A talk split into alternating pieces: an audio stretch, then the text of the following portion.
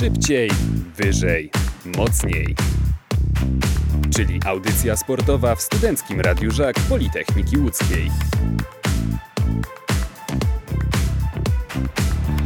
18.22 na zegarach. Słuchacie Studenckiego Radia Żak Politechniki Łódzkiej, audycji szybciej, wyżej, mocniej. A z nami jest już zapowiadany gość Jakub Pobożniak z TVP Sport. Cześć.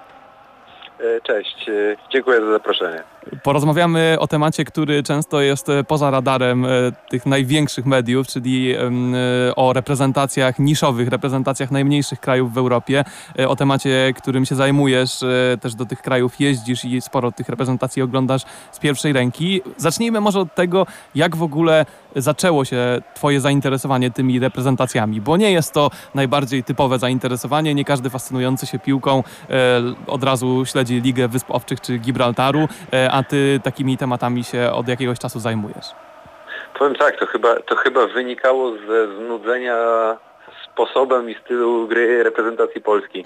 Zacząłem te, zacząłem, zacząłem te podróże, że tak powiem, od podróży na mecz reprezentacji Polski do Danii na pamiętny mecz na Parkę, który Polska przegrała 0-4 i tak sobie stwierdziłem, że kurczę, czy warto to robić, a może poszukać przy okazji czegoś e, innego i znalazłem tanie loty na Wyspy Owcze właśnie z Kopenhagi. Wówczas e, tam okazało się na miejscu. Nie, nie byłem tego świadom, dopóki nie, nie doleciałem na miejsce, że odbywa się mecz Wyspy Owcze Andora w eliminacjach bodajże Mistrzostw Świata 2018. No i Wyspy Owcze ten mecz wygrały 1 do 0. Ja przypadkiem kupiłem bilet na trybunę najbardziej zagorzałych kibiców, z którymi później miałem okazję trochę poimprezować. Impreza była fantastyczna, także skończyło się po prostu na spotkaniu z zawodnikami, na imprezowaniu z zawodnikami i tak stwierdziłem, czemu nie poszukać, czemu nie zobaczyć, czy tak samo jest w innych małych krajach. No i jak już się człowiek wkręcił, to się wkręcił na dobre, tym bardziej, że na początku te wyniki były takie, że gdziekolwiek nie jechałem, to gospodarze wygrywali, bo później Liechtenstein wygrał z Gibraltarem chociażby i tak dalej, i tak dalej. No i później z, y, wzięło się, to było na początku oczywiście prywatnie y, organizowane wyjazdy, a gdy później Polska trafiła w grupie eliminacyjnej na San Marino i Andorę, no to tutaj telewizja mnie desygnowała do tego, żebym przywiózł materiały, wiedząc, że znam już y, czy Andorczyków, czy Sanmaryńczyków. No i tak stopniowo wkręcałem się coraz bardziej, no i i, I z takiego hobby zrobiło się to też elementem pracy. Tak pokrótce bym to powiedział. Proszę bardzo, czyli z blamażów reprezentacji Polski też może wyniknąć coś dobrego, zwłaszcza, że jeśli dobrze pamiętam, to chyba był ten mecz, po którym Age Harajde też powiedział, że e, bardzo prosto rozczytał reprezentację Polski i wtedy w umyśle Adama Nawałki się zrodził ten pomysł grania na trójkę obrońców, więc to był trochę taki początek końca tej reprezentacji Nawałki, więc z tego końca Dokładnie. też coś dobrego gdyby, gdyby tak, gdyby tak popatrzeć y, na, na, na historię naszej, naszej piłki reprezentacyjnej od czasów właśnie tego pamiętnego meczu, to możemy powiedzieć, że to był początek końca, to był początek schyłku. Gdy, nie wiadomo do dzisiaj, czy Aga Harajde blefował, mówiąc, że Polska była rozczytana, czy, czy, czy, czy nie. Natomiast Adam Nawałka zaczął zmieniać i wiemy, jak to się skończyło później na Mistrzostwach Świata.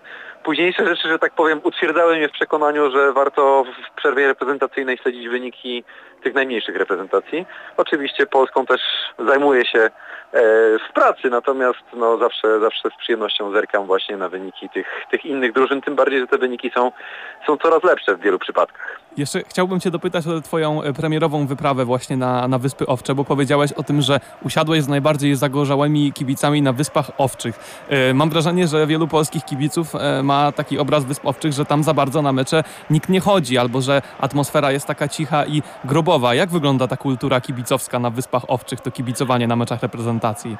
No powiem tak, miałem przyjemność być tam na meczach reprezentacji, jeżeli dobrze idzie, czterokrotnie. E, za pierwszym razem był to mecz z Andorą i kibice Wyspowczych czekali na zwycięstwo wtedy w tej grupie. Było to jedyne zwycięstwo, które odnieśli u siebie, jeżeli dobrze pamiętam. E, więc e, kibiców było dużo, bo wiedzieli, że wynik e, może być korzystny tym razem, mimo że pogoda była straszna, że wiało, padał deszcz, było 4 stopnie odczuwalne, to myślę, że około zera, mimo że to był wrzesień. E, trzy kurtki, e, trzy warstwy ter, termo, ter, termiki, że tak powiem. E, I tak ten mecz rozgrzewał, tym bardziej jak się właśnie okazało, że siadłem z kibicami, którzy wszyscy byli pomalowani w barwy wyspowczych, y, z hełmami niczym wikingowie, z instrumentami dętymi, e, przygrywając muzyczkę z różnych, z różnych znanych kawałków przerobionych na przyśpiewki reprezentacji wyspowczych. Powiem szczerze, że no, doskonale się się bawiłem, a kibiców na stadionie Wysp Owczych potrafi zasiąść 5,5 tysiąca, to jest ponad 10% populacji całej, całej Wysp Owczych. I, i na meczu z Danią również y, kiedyś byłem realizując materiał dla, dla TVP Sport, ten stadion był pełen i no i to była jedna z lepszych atmosfer, jeżeli chodzi o mecze reprezentacyjne. Wiemy jaka ta, ta atmosfera jest na meczach na Stadionie Narodowym, to 5500 kibiców wyspowczych potrafi zrobić kilkadziesiąt razy lepszą atmosferę niż 55 tysięcy kibiców na Stadionie Narodowym. No to Taka nie, jest prawda. Niewiele gorsza frekwencja niż na ostatnim meczu łódzkiego klubu sportowego. Nie chciałbym być jakiś bardzo złośliwy, ale niestety tak to wygląda. E, to e, dopytam jeszcze Cię o, o tych farerów, e, bo to jest reprezentacja, która no, zmieniła się na przestrzeni ostatnich lat. Mówi się coraz więcej o tym farerskim e, futbolu. E, w zakończonych eliminacjach oni urwali punkty właśnie Albanii czy Mołdawii. E, my także się z nimi męczyliśmy. Z czego wynika ta metamorfoza w ogóle farerskiego futbolu, e, no bo też przecież klubowa e, piłka z dobrej strony się w Europie pokazuje. Klaksvik e, jest rewelacją tegorocznych europejskich rozgrywek. Co się kryje za tą farerską inwazją na świat piłki? Na razie powolną, ale jednak. Ja powiem tak, że jeżeli chodzi o wynik reprezentacji w ostatnich eliminacjach, to ja jestem zawiedziony reprezentacją Wysp Owczych, bo spodziewałem się, że Wyspy Owcze będą pełniły tę rolę, którą tutaj w, tych, w tej grupie miała Mołdawia, czyli że będą mogły urywać punkty e, prawie każdemu. No bo Mołdawia tutaj naszym przekleństwem oczywiście była. Liczyłem, że to właśnie Wyspowcze będą pełniły te role, zwłaszcza, że Wyspowcze były losowane z koszyka wyżej niż Mołdawia, więc dwa punkty to było dość mało jak na Wyspy Owcze i też zastanawiano się, czy, czy trenerowi e, Eriksonowi warto dać kredyt zaufania. Ostatecznie podpisał nowy kontrakt, więc ma dalej e, w planie budować tę reprezentację. Natomiast to, na co oczywiście warto zwrócić uwagę, to jest, to jest Kawi Klaksvik, to jest drużyna, która w zasadzie większością piłkarzy z Wysp Owczych potrafi awansować do, do fazy grupowej Ligi Konferencji i tam też e, namieszać, bo przecież e, zwycięstwo z Olimpią Lubliana czy, czy z Lille, tutaj historia jest e, ciekawa i dość prosta jednak, bo po prostu na Wyspach Owczych jest prosta zasada. Jeżeli, jeżeli bierze ryba, a ryba jest tam odpowiedzialna za 90 kilka procent PKB kraju, więc y, połowy, połowy to jest y, większość gospodarki wyspowczych, to w tym momencie tych ryb naprawdę jest tam dużo, to po prostu są pieniądze. Jedna z, z przetwórni rybnych zainwestowała bardzo duże pieniądze w klub, pościągała kilku ciekawych zawodników, też y, zawodników z Ligi Wyspowczych, tych najmocniejszych z innych mocnych klubów pościągała do siebie. Dodatkowo ściągnęło kilku, mm, przyszło kilku zachęconych wysokimi kontraktami zawodników zagranicznych. Wegard Foren to zawodnik, który pukał do bram Premier League kiedyś w Southampton i w Brighton. Co prawda meczu tam nie zagrał, ale, ale, ale był w klubach. W Norwegii był legendą, kilku właśnie zawodników ze Skandynawii, no i zatrybiło, zatrybiło i to w pięknym stylu. E, do tego oczywiście historia Atle Fredriksberga, czyli lidera drużyny, który mimo fenomenalnej formy i bycia królem strzelców eliminacji Ligi Mistrzów z sześcioma golami i co jeden był piękniejszy od, od drugiego i tak nie zdecydował się na to, żeby do kadry wyspowczych wrócić, bo pracuje w hurtowni, jest dyrektorem generalnym hurtowni i po prostu przerwę reprezentacyjną wykorzystuje e, na to, żeby tą hurtownią zarządzać, a, a wolne po prostu wykorzystuje na to, żeby z rodziną wyjechać na wczasy. No, taki jest, jest to klimat. Myślę, że też przez to ta drużyna się stała bardzo lubiana w Europie, że kibice śledzą, śledzą wyniki, że po prostu to jest takie marzenie, którym my byśmy chcieli żyć, że ach, możemy się zastanowić, co by było, gdybyśmy byli w innym kraju, gdybyśmy byli właśnie piłkarzami półprofesjonalnymi, ale, ale grającymi, grającymi w Europie, to to jest właśnie na to pytanie odpowiada Kawi Klaksik w tej edycji Ligi Konferencji Europy. Teraz może się przenieśmy w nieco cieplejsze tereny e, na południe, bo też zrealizowałeś e, taki materiał wideo z e, Gibraltaru. Mm, I też patrząc na to, jak ta drużyna się, się rozwija, bo ona funkcjonuje w strukturach UEFA od niedawno, 2013 roku. Czy taką tezę byś, byś zaryzykował, że ona spośród tych niszowych kadr zrobiła największy progres? Na, jeżeli chodzi o, y, że tak powiem, oś czasu i krótkość tej osi czasu, to, to zdecydowanie tak. E, No jest to drużyna, która zaczynała z poziomu, jak to mówili mi sami piłkarze, amatorskiej Sundays League, czy, czy po prostu wcześniej naj, najważniejszym turniejem dla e, Gibraltaru były Island Games, czyli, czyli Igrzyska Wysp. Akurat Gibraltar jako półwysep był do tych igrzysk zapraszany jako jedyna niewyspa, no i, i ta drużyna była zwykle najlepsza. Jeszcze kiedyś były Wyspy Owcze, zanim zostały też członkiem FIFA.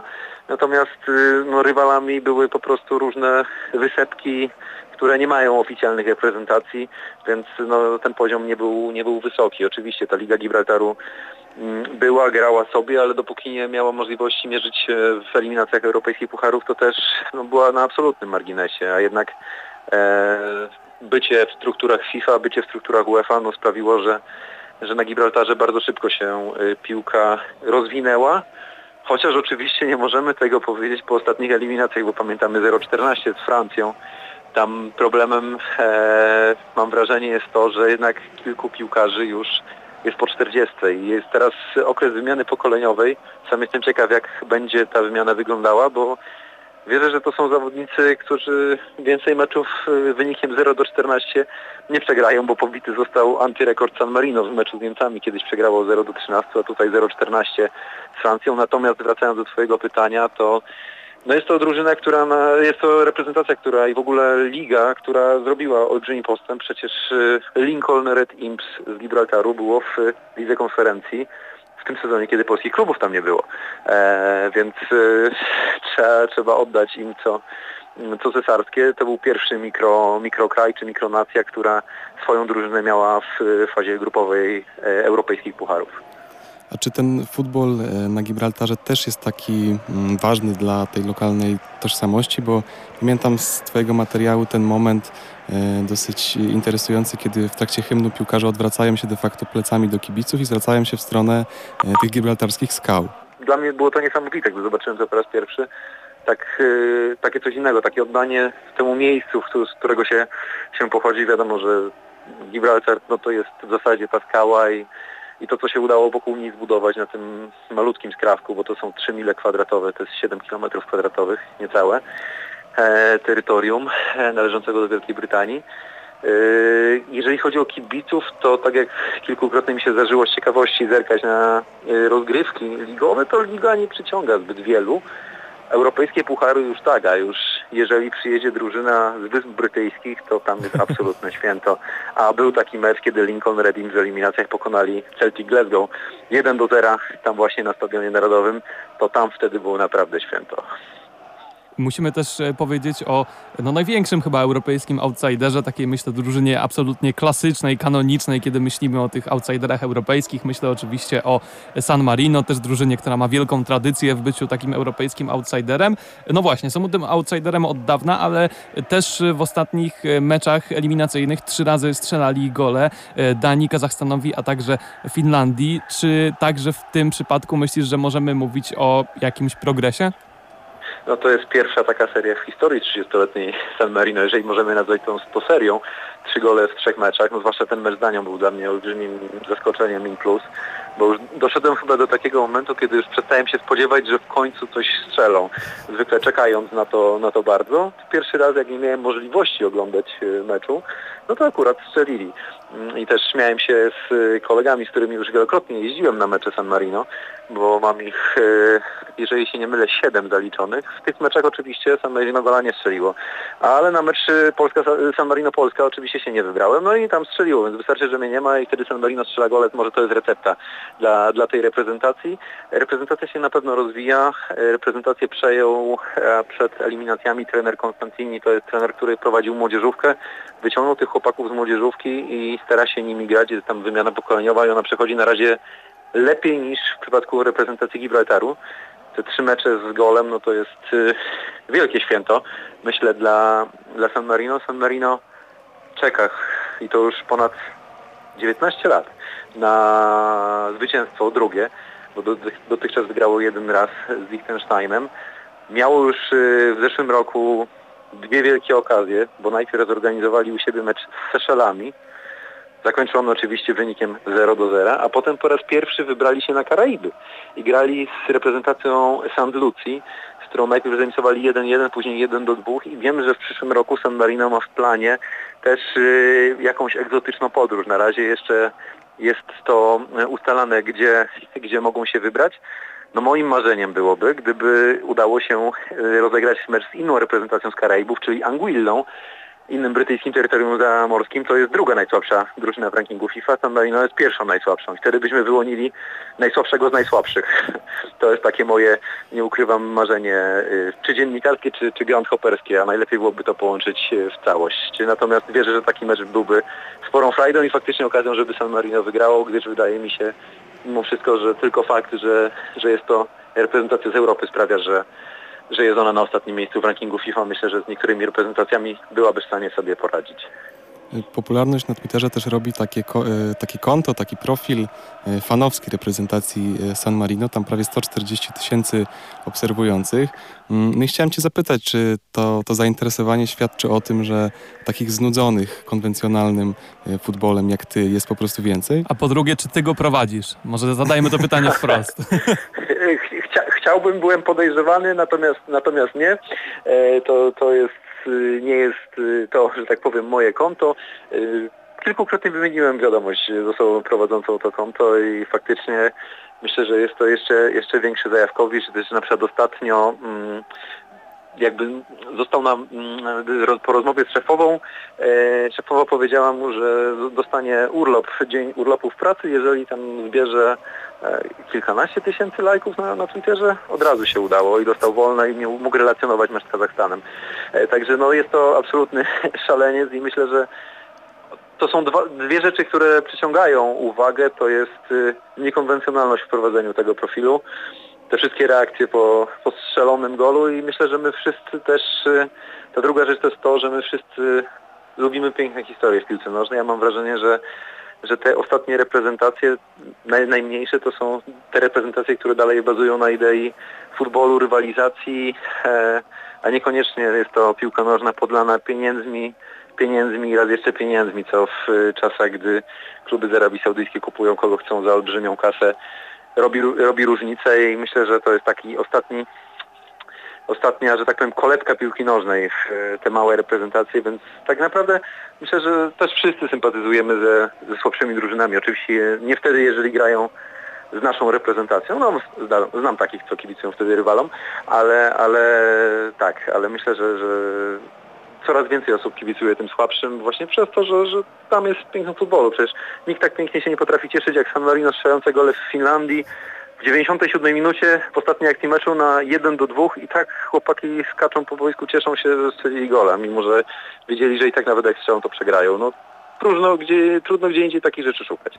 Zamykając wątek e, sanmariński, e, chciałbym zapytać Cię o kolejną rzecz, myślę, którą kochamy w futbolu, czyli e, taki związek z lokalną społecznością. E, chciałbym Cię zapytać o Twoje wrażenia z tych podróży na mecze San Marino, z w ogóle bycia tam na miejscu. Czy to też jest właśnie taka drużyna mocno wrośnięta w tą lokalną tożsamość, e, która jest dla Sanmarinczyków e, też taką właśnie możliwością, żeby pokazać swoją odrębność, związek z krajem? Czy to jest taka bardziej lokalna ciekawostka? Jak to wygląda po prostu na miejscu z perspektywy bycia tam w San Marino?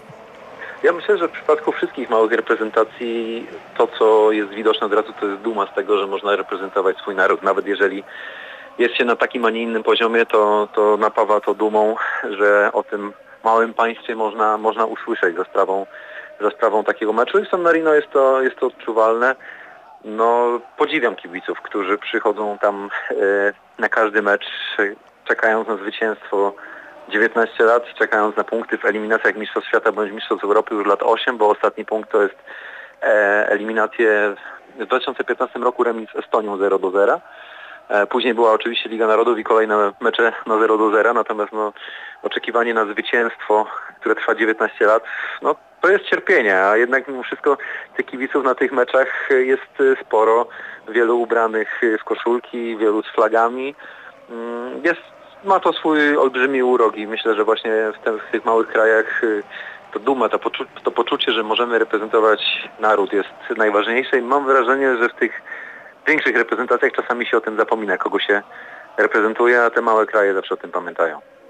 To jeszcze udając się w jedno miejsce, nie sposób nie wspomnieć o takim kraju, który ostatnimi czasy trochę się wybija ponad tę przeciętność, czy, czy nawet słabość, mianowicie o, o Luksemburgu, który chociaż we wrześniu no, dostał potężne lanie od Portugalii 9 do 0, no to też ostatnio pokonał chociażby Bośnię i Hercegowinę 4 do 1 i zagra w barażach, e, w barażach do Euro, pierwszy mecz z Gruzją, potem ewentualnie Kazachstan lub Grecja. Co Twoim zdaniem piłkarzy z Luksemburga wyróżnia e, na tle? Dlaczego są paradoksalnie tak, tak na tle, na tle swoich y, mniejszych sąsiadów. Tutaj olbrzymia zasługa trenera e, Luka Holca, e, który był sam piłkarzem reprezentacji. Gdy Luke Holz był piłkarzem w kadrze, zajmowała ona, była ona najsłabszą drużyną w rankingu FIFA spośród europejskich drużyn. Był taki moment w 2006 roku kiedy w grupie Liechtenstein potrafił pokonać Luksemburg. E, teraz jest to nie do wyobrażenia, bo te drużyny, że tak powiem, rozjechały się między sobą. E, system szkolenia zbudowany kilkanaście lat temu, akademie, które grają konkretnym stylem, zbudowany wielki ośrodek treningowy w jednej z miejscowości pod, pod stolicą Luksemburga, gdzie trenują kadry, gdzie często są zgrupowania dla najlepszych zawodników w określonym wieku. E, to jest praca systemowa, która przynosi duży efekt, plus no też trzeba, trzeba to przyznać, reprezentacja Luksemburga jest jedną z najbardziej multikulturalnych reprezentacji w Europie. Tam jest olbrzymia mniejszość portugalska. Mm, w zasadzie w kadrze jest to większość. Jest kilku zawodników e, z krajów dawnej Jugosławii, których rodziny uciekły podczas wojny. I teraz ten kulturowy tygiel na boisku robi kawał dobrej roboty. E, akurat są tak, były takie mecze, kiedy jednym, że tak powiem, rdzennym Luksemburczykiem był kapitan reprezentacji, natomiast reszta miała e, dwa paszporty, w tym luksemburski. E, więc no jest, to, jest, to, jest to ciekawy przypadek, ale naprawdę większość, e, że tak powiem, tego, co, co należne trzeba oddać Lukowi Holcowi, który jest selekcjonerem drugi najdłuższy staż na razie w Europie, tylko trener Andory ma e, dłuższy staż i to tam jest różnica kilkudziesięciu dni. E, I Luksemburg to jest też symptomatyczne, że oni w tych eliminacjach zdobyli wiele punktów, byli blisko, gdyby przecież nie stracili gola ze Słowacją, to w zasadzie mogliby tam do ostatniej kolejki jeszcze, jeszcze walczyć, gdyby nie przegrali meczu ze Słowacją u siebie 0 do 1. E, natomiast z Portugalią mieli bilans bramkowy w dwóch meczach 0-15 i to wynika z tego, że Luke Holtz zdecydował się niczego nie zmieniać. Gramy swoje z każdym rywalem i jest to brawura być może, natomiast tak się można nauczyć futbolu. Już działa to na w meczach ze słabszymi reprezentacjami. E, kilkanaście punktów w eliminacjach. E, mecze, mecze naprawdę dobrze rozgrywane z Bośnią, z Islandią, no to są drużyny, które przecież niedawno grały na Mistrzostwach Świata i, i Bośnia i Hercegowina i, i Bośnia i Hercegowina i Islandia. A Luksemburg, e, ja podczas losowania e, grup eliminacji Euro stwierdziłem, że Luksemburg z tej grupy wyjdzie. No to się nie udało, ale jest druga opcja w barażu. Ten baraż w dywizji C jest bardzo ciekawy, bo jest Gruzja, wiadomo, Kwicza Kwaracelia, ale tam też fantastyczną pracę wykonuje Willy Saniol, były piłkarz Bayernu jako trener reprezentacji. Jest Kazachstan, który przecież też bił się do ostatniego meczu ze Słowenią o awans bezpośredni na Euro, więc tam naprawdę trzy drużyny, które... Jest jeszcze Grecja, która wiadomo ma swój określony poziom, ale są trzy drużyny, które są na fali wznoszącej i będą walczyły o to jedno miejsce. Będzie to, myślę, najciekawsza ścieżka barażowa i ja się jej będę przyglądał ze szczególną uwagą. Powiem tak, dobrze, że Legia Warszawa nie uczestniczy w barażach o Euro 2024, bo akurat legioniści mają traumatyczne piłkarskie wspomnienia z, e, związane z Luksemburgiem. E, zamykając trochę naszą rozmowę, podsumowując ją i zerkając w stronę przyszłości, chcieliśmy Cię zapytać o Twoje przewidywania, o to, jak Ty odczuwasz to, jak może się sytuacja w europejskim futbolu e, rozwijać. E, czy jakie widzisz perspektywy dla tych mniejszych reprezentacji w kolejnych pięciu czy dziesięciu latach? Czy uważasz, że właśnie te pojedyncze symptomy takie jak San Marino zdobywający trzy bramki z rzędu, e, Farerzy zaskakujący Europę, e, jak Luksemburg grający baraże o euro. To jest e, taki sygnał większego zjawiska, że te mniejsze reprezentacje również są w stanie z lepszymi rywalizować, czy raczej różnice będą się powiększać, to będzie się rozjeżdżać po prostu z uwagi na to, że te topowe kluby są coraz silniejsze, ci najlepsi piłkarze są na coraz wyższym poziomie i tak dalej, i tak dalej. Ja gorąco wierzę, że, że właśnie takie reprezentacje jak Luksemburg będą w stanie na stałe przeskoczyć takie kadry jak chociażby Bułgaria, Estonia, e, Łotwa, Litwa, tego typu reprezentacje, które są takimi średniakami europejskimi. Myślę, że Luksemburg już spokojnie można nazwać nie Kopciuszkiem, a europejskim średniakiem, który co więcej ma aspiracje na, na, na coś więcej. I, i myślę, że ty, o, o, tę reprezentację jestem najbardziej spokojny. E, myślę, może to jest marzenie świętej głowy, ale myślę, że niebawem San Marino będzie lepszą reprezentacją od Liechtensteinu, który ma największe kłopoty że tak powiem, osobowe, personalne, bo po prostu w Liechtensteinie nie ma komu grać w piłkę. Ludzie wolą pracować i zarabiać dobre pieniądze. W kadry juniorskie mają naprawdę bardzo wąski skład, więc ta przyszłość jest niepewna, a San Marino jednak jest grono chłopaków, które chce grać w piłkę, więc może kiedyś będzie wymiana na miejscu ostatnim w e, europejskiej części rankingu FIFA. Natomiast jeżeli chodzi o takie kadry jak Wyspy Owcze czy drużyny Wysp Owczych, to myślę, że Kawi Klaksik, e, tak jak Legia kiedyś miała uciec rywalom po awansie do Ligi Mistrzów, tak myślę, że Kawi Klaksik uciekł już na dobre. I myślę, że to jest drużyna, która może w przyszłości wielokrotnie jeszcze grać e, albo w dalekich częściach eliminacji europejskich pucharów i nawet eliminacjach czy Ligi Europy, czy Ligi Mistrzów, ale też myślę, że w fazie grupowej Ligi Konferencji powinniśmy takie kluby widzieć częściej, więc tutaj myślę, że, że te, dwie, te dwie nacje, właśnie Luksemburg i, i Wyspy Owcze, z tych krajów, które miałem przyjemność odwiedzić, na pewno rozwijają się najlepiej i, i, i wierzę, że, że to one będą pokazywać jeszcze nieraz wysoki poziom, może jakieś mecze z polskimi drużynami kiedyś będzie, będzie pretekst, żeby się wybrać.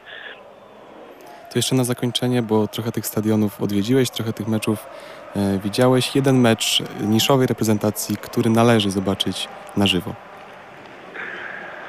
Jeden mecz. E, z tych, które widziałem, czy tych, które może w przyszłości będą? Albo którą reprezentację, tak? Tak, którą, którą kadrę, tak. Czy tu farerzy może przebijają e, wszystkich? Ja myślę, że jednak San Marino, że jednak e, zobaczyć tych chłopaków walczących u siebie na swoim stadionie to jest y, największa frajda, a gol strzelony przez San Marino to by było wielka rzecz, natomiast zobaczenie na żywo zwycięstwa San Marino to jest piłkarski święty grali. Życzę każdemu Grand Hopperowi, żeby czegoś takiego doczekał i zobaczył na własne oczy. Jak największej ilości takich przeżyć Ci życzymy, no i oczywiście Twojego wymarzonego antyfinału Pucharu Świata, czyli meczu dwóch najsłabszych reprezentacji na świecie, żeby do tego także doszło. Jakub Pobożniak, TVP Sport był naszym gościem. Wielkie dzięki za rozmowę. Dziękuję bardzo. Pozdrawiam.